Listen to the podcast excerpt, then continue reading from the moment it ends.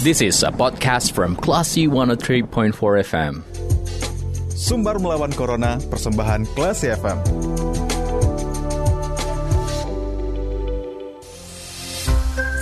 empat Kelas FM, this is the actual radio. Kelas People, saya tidak mencermati sumber melawan Corona persembahan radio Kelas FM bersama Sidita Indira.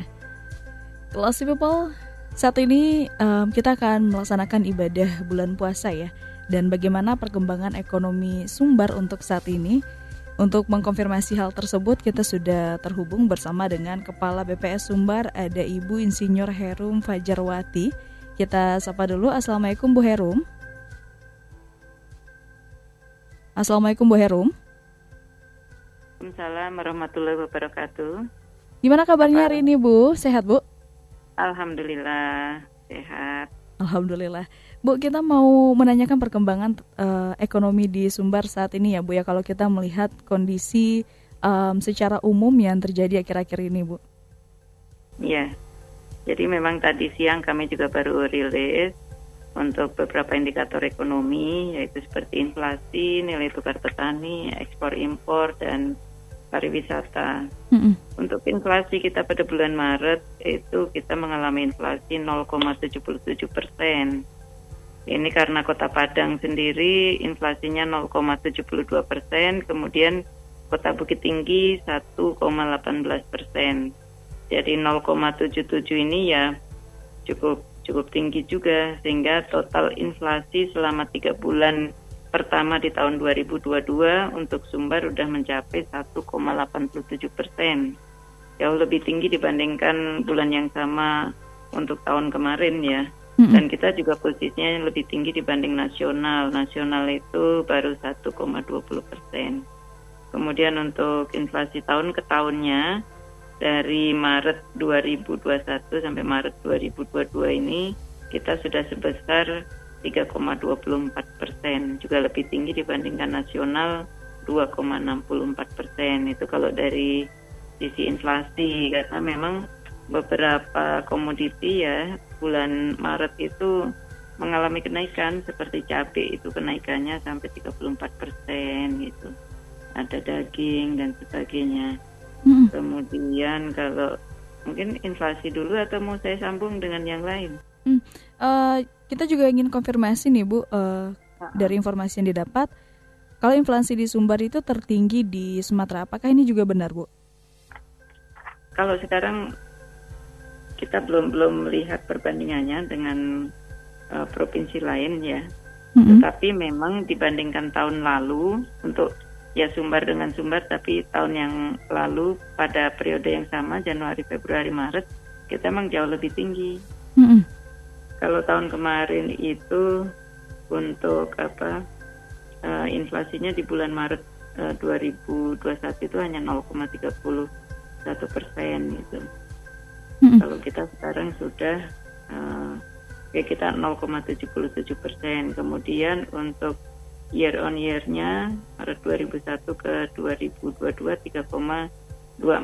Kalau tahun lalu itu dari Maret 2020 ke Maret 2021 hanya 1,78. Jadi memang ini uh, diprediksi April pun akan inflasi lagi karena kita bulan puasa dan Ramadan biasanya banyak barang-barang uh, yang mengalami kenaikan juga kaitannya dengan pangan gitu ya. Mm-mm. Oke baik bu, um, bisa dijelaskan bu ini penyebabnya apa saja sehingga ada peningkatan inflasi ini di bulan Maret tahun ini? Ya biasanya kalau bahan pangan ini ya karena stok dan distribusi ya cabai merah ini kita mengalami kenaikan cukup tinggi juga mungkin karena ada permintaan dengan dengan barang yang tersedia mungkin uh, permintaan cukup banyak gitu ya sehingga harga naik karena memang kondisi musim ya kemarin itu banyak musim hujan kan. Sehingga hmm. biasanya cabai itu kalau terlalu banyak musim hujan juga kurang bagus produksinya. Kemudian seperti harga emas perhiasan ini juga naik.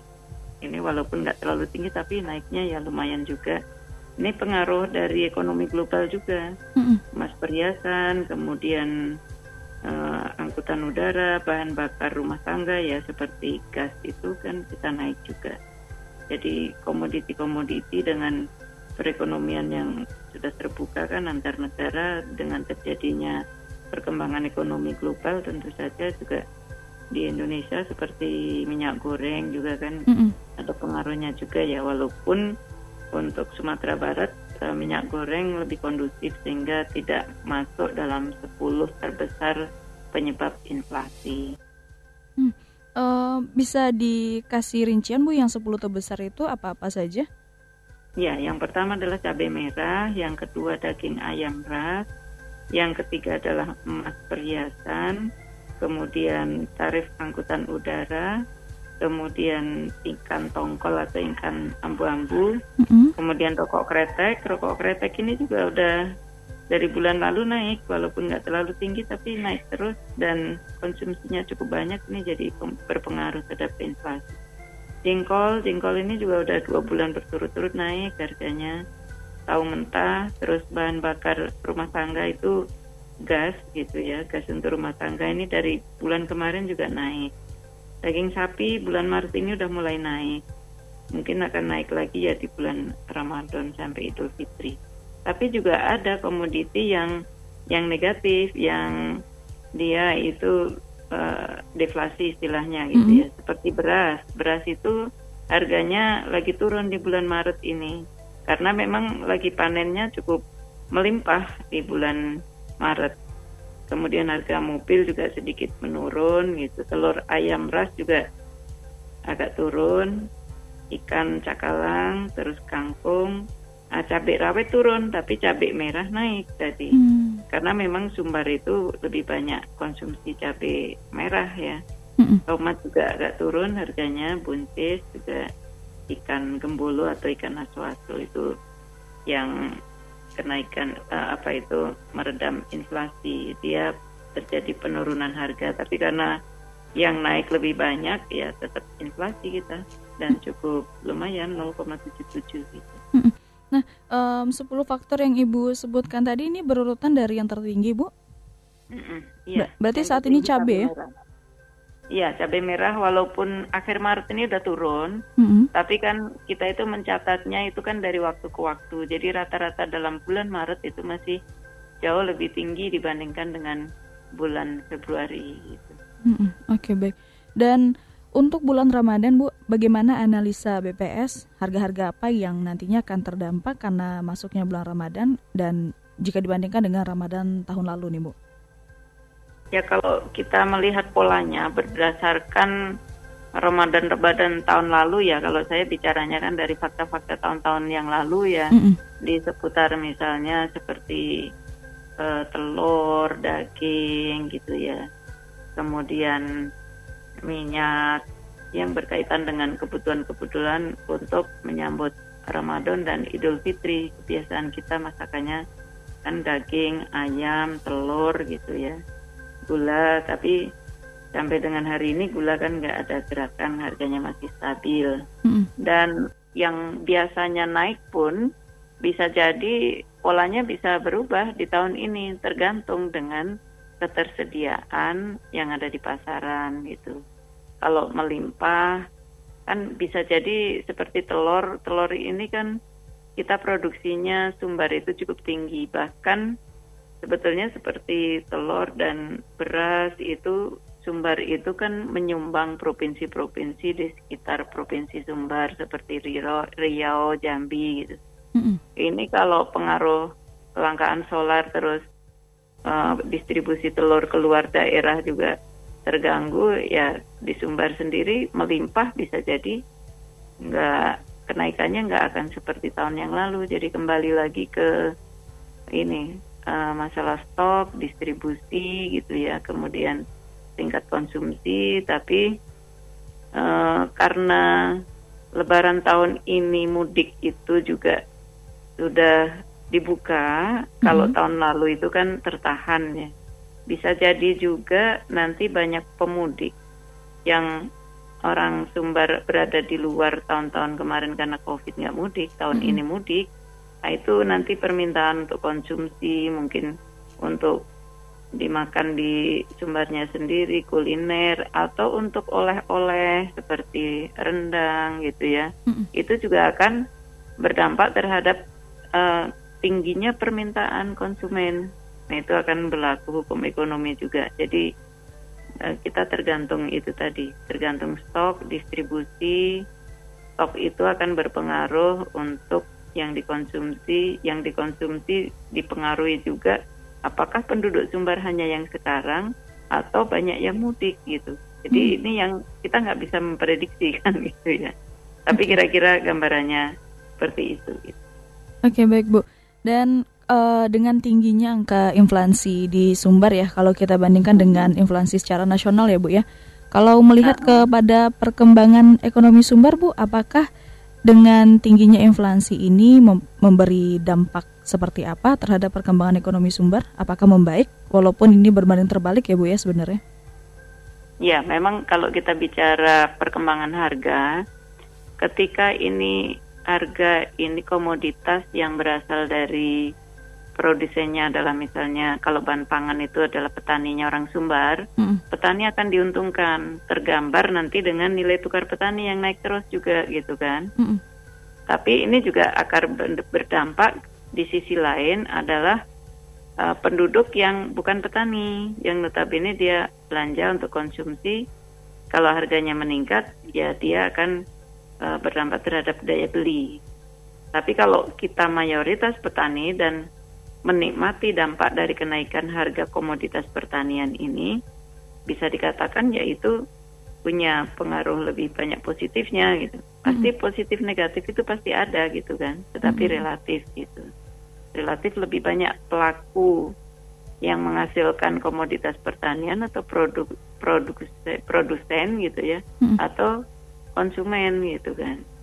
Tapi dari sisi masalah inflasi kalau terlalu tinggi memang itu menjadi membuat beban masyarakat daya beli menjadi lemah gitu kan. Mm-hmm. Tapi kalau dia masih pada posisi yang tidak terlalu tinggi, tidak terlalu rendah, itu akan menggairahkan kegiatan ekonomi karena menjanjikan adanya keuntungan di sana. Mm-hmm. Tapi Dan, dari maaf Bu sebelumnya uh, saya potong Uh, tapi dari uh, data yang BPS punya, walaupun tetap inflasi, apakah perekonomian di Sumbar uh, membaik, Bu?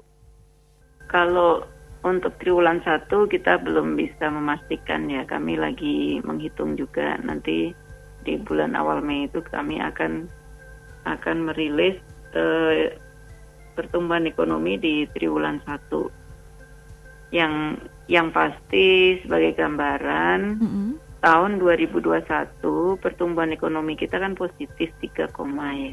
Mm Itu kalau dideteksi secara tidak langsung, apa sih salah satu pengungkit dari geliatnya ekonomi suatu wilayah? Salah satunya itu adalah mobilitas penduduk.